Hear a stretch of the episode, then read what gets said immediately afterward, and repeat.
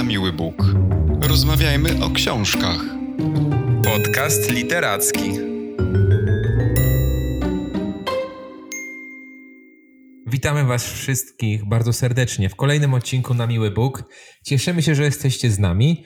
I dzisiaj Maciek opowie nam o książce, którą przeczytał w ostatnim tygodniu. Od razu zadaję Ci pytanie, Maćku, co to było? Cześć Kamilu, dzień dobry wszystkim. W tym tygodniu czytałem książkę pod tytułem Dodatkowa dusza Violetty Grzegorzewskiej. To jest powieść wydana nakładem wydawnictwa literackiego. Książka krótka, ma około 230 stron. Jest to, to trzecia książka tej autorki, która zresztą powinna być e, dobrze znana wszystkim, bo zasłynęła z dobrego debiutu Guguły, za który zresztą była nominowana do Międzynarodowej Nagrody Bookera. Dokładnie znalazła się na longliście. Natomiast o czym jest dodatkowa dusza? Ja może nie będę streszczać mm, fabuły książki, bo nie chcę odbierać nikomu przyjemności z jej czytania. Wyjątkowo tym razem przeczytam to, co wydawnictwo napisało na tylnej okładce. Latem 1942 roku Julian Brzeziński ucieka z transportu wiążącego Żydów do Treblinki. W bydlęcym wagonie pozostawia jadących na śmierć żonę i brata. Wraca do Warszawy, by odnaleźć syna. Zaledwie 13-letni Marcin ukrywa się po aryjskiej stronie u polskiej rodziny. Zaangażowany w działalność konspiracyjną polskiego państwa podziemnego, bierze udział w coraz bardziej niebezpiecznych akcjach. Obaj chcą żyć. W mieście ogarniętym chaosem mogą wybierać tylko między mniejszym lub większym złem. No i teraz tak. Jak pierwszy raz usłyszałem, że Grzegorzewska e, zamierza napisać powieść, znaczy zamierza już ją wydać, bo to już było w tym momencie, kiedy ją napisała, że zamierza wydać powieść no, na temat Holokaustu, to tak trochę się przestraszyłem, dlatego że ostatnio mamy e, jakby wysyp takich w ogóle e, książek, niekoniecznie dobrych, to podkreślam, właśnie na temat e, zagłady. I jednocześnie też się ucieszyłem, bo wiedziałem, że znając książki Google i Stancje Grzegorzewskiej, wiedziałem, no, jakiego poziomu literackiego można się e, spodziewać albo jakiego można oczekiwać. To była dobra informacja, że wreszcie ktoś z wyczuciem literackim, z taką wrażliwością jak e, Grzegorzewska, napisze tego typu książkę. Bo, bo wracając do tego, dlaczego powiedziałem, że jest e, sporo słabych książek. No właśnie ostatnio, w ostatnich latach, i to chyba zapoczątkował tatuażysta z Auschwitz, no pojawia się wysyp takich powieści, których tytuł jest właśnie zbudowany mm, według takiej matrycy X, Y, Z z Auschwitz albo coś podobnego.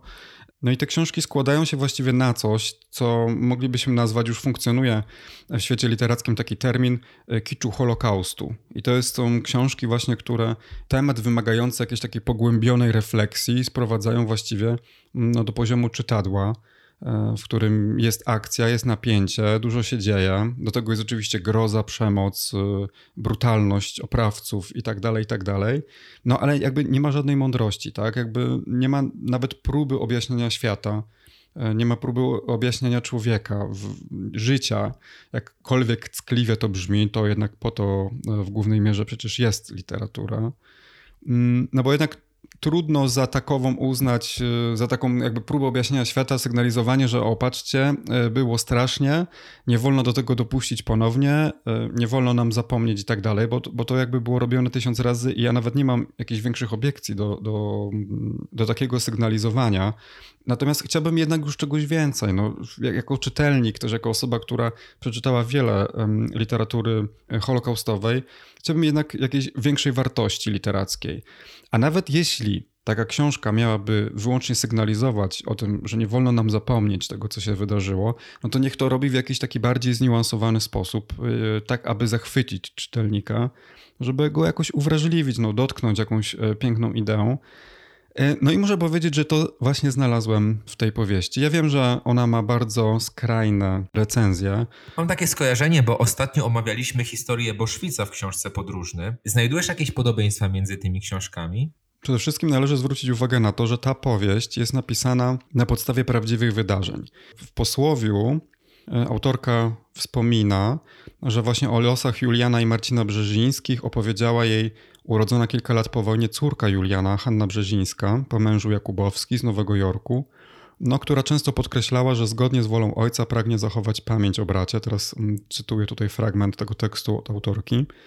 I tutaj jest bardzo ciekawy wątek z tym związany. To znaczy, autorka opowiada prawdziwą historię, ale posługuje się fikcją literacką. Słuchałem wywiadu Wiolety Grzegorzewskiej i ona tam po prostu wyjaśnia, że ten materiał nie był do końca pełny i po prostu musiała jakby te braki uzupełnić czymś, no a tym czymś oczywiście jest e, wyobraźnia. E, stąd taka forma. Więc nie jest to reportaż, nie jest to mm, reportaż fabularyzowany, jest to po prostu fikcja literacka. Widziałem różne zarzuty, że mm, według niektórych ta powieść zbyt sztywno się trzyma tych faktów, jakby, że jeżeli już autorka idzie tą drogą właśnie fikcji literackiej, no to już mogłaby rozwinąć skrzydła i jakby napisać trochę więcej. Ja akurat nie miałem takiego odczucia, że, że jest za bardzo jakoś tak e, faktologiczny, że autorka jest zbyt mocno przywiązana do tych materiałów, którymi dysponuje, bo w gruncie rzeczy tak naprawdę no, trudno mi było tutaj rozszyfrować, co jest fikcją, a co jest e, prawdą. W ogóle też warto docenić to, że autorka no, bardzo wnikliwie wartowała te materiały. E, zresztą polecam też śledzić fanpage Violetty Grzegorzewskiej, bo ona tam regularnie publikuje jakieś materiały, no szczególnie teraz E, przy, z okazji premiery tej książki. E, publikuje sporo takich materiałów, na których się opierała i między innymi właśnie możemy zobaczyć taką tabliczkę oryginalną braci Brzezińskich, którzy mieli właśnie fabrykę przed wojną, która produkowała mm, instrumenty medyczne. Ostatnio pojawiło się też zdjęcie Marcina, czyli właśnie syna głównego bohatera. Zdjęcie zresztą niezwykłe i w ogóle nie dziwię się, że tak bardzo poruszyło mm, autorkę. Dlaczego niezwykłe? No to właśnie polecam, y, polecam je zobaczyć na, na profilu Violetty Grzegorzewskiej. Mam jeszcze taki fragment na temat Warszawy, właśnie go znalazłem. Jeden z bohaterów mówi: Na początku interes z maglem nam nie szedł w naszym Paryżu północy, choć jakim tam Warszawa Paryżem była, brud, smród i bryndza. Ulice śmierdziały za przeproszeniem końskim głównymi szczynami. Perfumowane damulki w kapeluszach pod parasolkami spacerowały w łazienkach i prowadziły pieski na złotych smyczach. Na pół miasta panie to byli bezdomni, kościarki i włóczęgi. Na rogatkach stały chustkowe kurwy, co się rozbiegały na widok żandarmów. No więc taka trochę inna Warszawa, niż chcielibyśmy ją pamiętać. A powiedz, jaki element tej książki najbardziej podobał Ci się? Który, który element zrobił na Tobie największe wrażenie? Strasznie mi się podobało to, że oprócz tej głównej opowieści jest mnóstwo innych historii. E, zostały wplecione historie innych osób. Jest ich bardzo dużo i to są takie historie, które autorka znalazła gdzieś grzebiąc w archiwach, które są naprawdę przejmujące i właściwie fajnie, że, że znalazły się E, w tej powieści, którą też właśnie troszeczkę można czytać jako taki, powiedzmy, taka główna fabuła o Julianie Brzezińskim, poprzeplatana takimi mini opowiadaniami e, na temat innych, e, losów innych osób. To są takie opowieści, które przewijają się albo w słowami narratora, albo bardzo często w opowieściach innych bohaterów, czyli są po prostu poukrywane w dialogach. Ta książka ma też dużą wartość e, dydaktyczną, bo e, Grzegorzewska opisuje wiele obrzędów i zwyczajów, rytuałów żydowskich, między innymi e, dokładnie zapisano obrzezanie, ale też bardzo ciekawym fragmentem jest ten o kuchni koszernej, kiedy bohater znajduje się w domu swoich hasyckich dziadków, którzy przestrzegają oczywiście wszystkich nakazów i zakazów i babcia pyta go, czy jej wnuczek wie, dlaczego babcia przesiewa mąkę przez sito. No i wydawałoby się, żeby, że po to, prawda, aby, aby wyszło nam pulchne pieczywo, natomiast chodzi o to po prostu, aby w mące nie znalazła się nawet jedna muszka, no bo kuchnia koszerna e, polega właśnie na tym, aby nie mieszać mięsa i mleka, czyli produktów mięsnych właśnie z, z nabiałem po prostu. I dziadkowie też e, Juliana mają oczywiście dwie kuchnie. W jednej jest e, zastawa sztuć z tej szklanki przeznaczona wyłącznie do produktów i potraw mlecznych, a w drugiej e, jest identyczna kuchnia ze słojami, misami, kredensem, piecem, wszystko w niej było używane do potraw mięsnych. No te fragmenty są bardzo ciekawe. Jeśli ktoś nie jest zaznajomiony z tradycjami żydowskimi, to na pewno ta powieść niesie taką właśnie dodatkową wartość. Ale chciałbym wrócić do tej literackiej wartości tej książki. Przede wszystkim język, jakim jest ta książka napisana, no jest, jest przepiękny, no ale tego się można też było spodziewać e, po tej autorce, która ma też taki niezwykły właśnie słuch literacki. Świetnie się posługuje językiem polskim, wyszukuje takie słówka, których w ogóle ta książka właśnie jest naszpikowana takimi słowami, których e, ja, ja niektóre słyszałem po raz pierwszy, a jak już wiadomo, bardzo to lubię, więc od razu trzeba sobie sprawdzać, co, co po niektóre słowa. Jest też sporo takiego e, języka stylizowanego właśnie na język, e, czy to wiejski, bo w początkowych rozdziałach bohater ukrywa się w gospodarstwie takiego wiejskiego polskiego małżeństwa i właśnie oni mówią gwarą, która jest literacko niezwykle smaczna. Później też zresztą w Warszawie ci bohaterowie warszawscy mówią też tak właśnie po warszawsku, nawet przeklinają po warszawsku zupełnie inaczej niż dzisiaj. Więc bardzo mi się oczywiście podoba, że autorka postarała się o to, aby to faktycznie brzmiało jak najbardziej autentycznie. Ale jest też dużo takich momentów, które niekoniecznie są związane z e, tą opowieścią, natomiast, nie wiem, wzbudzały we mnie jakieś takie refleksje. Mam taki jeden cytat. Minął rok, rok bez właściwości, czas żałoby i prześlizgiwania się, który Brzeziński nazywał w myślach rokiem piskorza. W tamtym czasie jego pamięć chłonęła tylko to, co doraźne i konieczne do przetrwania. E, zatrzymałem się po tym fragmencie i tak naszła mnie taka myśl, że ostatnio e, sporo rozmawiam z przyjaciółmi i bliskimi właśnie o tym specyficznym roku, w jakim przyszło nam żyć. Oczywiście w żaden sposób nie próbuję porównywać tego, co zdarzyło się w tym roku z tym, co musieli przeżyć e, uczestnicy wojny. Natomiast też tak sobie pomyślałem, że właśnie ten rok 2020 jest takim rokiem trochę bez właściwości, takim trochę rokiem, gdzie się prześlizgujemy z miesiąca na miesiąc. Mam takie poczucie straconego czasu, takie poczucie, jakby ktoś nam ukradł czas. I takich momentów, w których zatrzymywałem się jakoś tak, nie wiem, podświadomie czy świadomie, mm, znajdowałem takie nawiązania do tego, co dzieje się dzisiaj, e, było trochę więcej. To mi się bardzo w tej książce podobało. Ale to chyba też właśnie wynika z tej, z tej, z tej wrażliwości literackiej, z takiego pięknego operowania językiem, który właśnie zawsze w takich sytuacjach jakoś tak inspiruje mnie do własnych przemyśleń. No, tego też szukam w książkach, nie ukrywam. Tak sobie myślę, kiedy opowiadasz o, o tej e, książce, że wiele historii tego typu mieliśmy już okazję czytać. To były dziesiątki, setki książek i chciałem zapytać Ciebie, jakie jest Twoje zdanie? Czy mimo tak wielu tytułów na rynku warto nadal tworzyć takie historie? Tak, zastanawiałem się właśnie, czy potrzebne nam kolejne takie historie.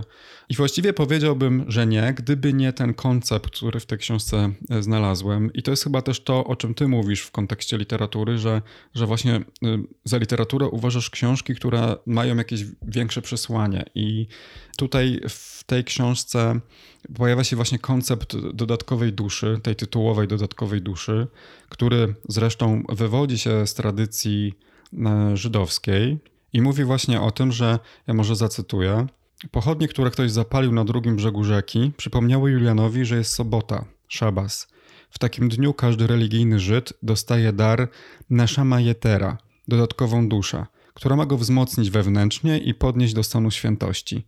Rabi Szymon ben Lakisz powiadał, że w Wigilię Szabasu święty daje człowiekowi dodatkową duszę i odbiera ją, gdy Szabas dobiega końca. Brzeziński przypomniał sobie słowa z Talmudu babilońskiego i ogarnął go niepokój. No i ten fragment właśnie mówi o tym, że w trakcie szabasu Żydzi dostają dodatkową duszę i w tym czasie są jakby te dusze dwie. E, I nawet bohaterowi wydaje się przez pewien czas, że on już umarł, i, i, jego opowieść snuje ta dodatkowa dusza. I przekładając to jakby na samą powieść, możemy sobie zadać pytanie, kto snuje tę opowieść i kim jest narrator, ten albo ta, którzy opowiadają.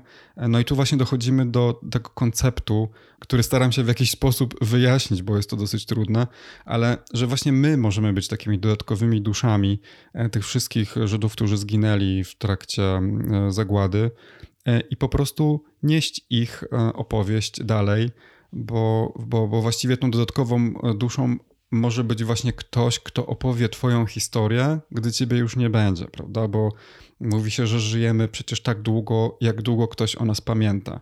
Więc te dodatkowe dusze, e, ci opowiadacze, e, pisarki i pisarze, ale nie tylko, to są takie właśnie nośniki rodzinnych historii i to jest coś, co w tej książce no, bardzo mi się spodobało. No więc tak, w tym kontekście jak najbardziej powinniśmy opowiadać takie historie. Powinniśmy opowiadać je po to, aby być takimi dodatkowymi duszami tych, którzy zginęli i aby nieść ich opowieść dalej. To może tak na koniec zapytam, klasycznie już w zasadzie, polecasz tę książkę?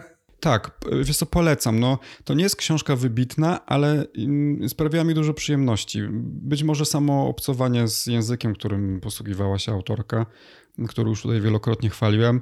O, może jeżeli chodzi o taką konstrukcyjną stronę tej powieści, to jakby nie do końca przekonywały mnie niektóre dialogi.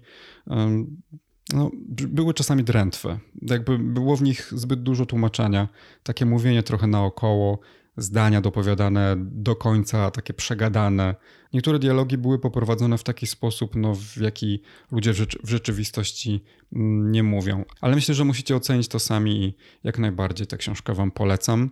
Na koniec e, chciałbym podziękować e, wydawnictwu literackiemu za przekazanie nam egzemplarza do recenzji na naszą prośbę. Maćku, dziękujemy Ci, że opowiedziałeś o tej książce. Myślę, że wielu z nas po nią sięgnie, po Twojej opowieści. My się z Wami wszystkimi żegnamy. Zapraszamy już za tydzień na kolejny odcinek podcastu. Słyszymy się za tydzień. Na miły Bóg. Rozmawiajmy o książkach. Podcast literacki.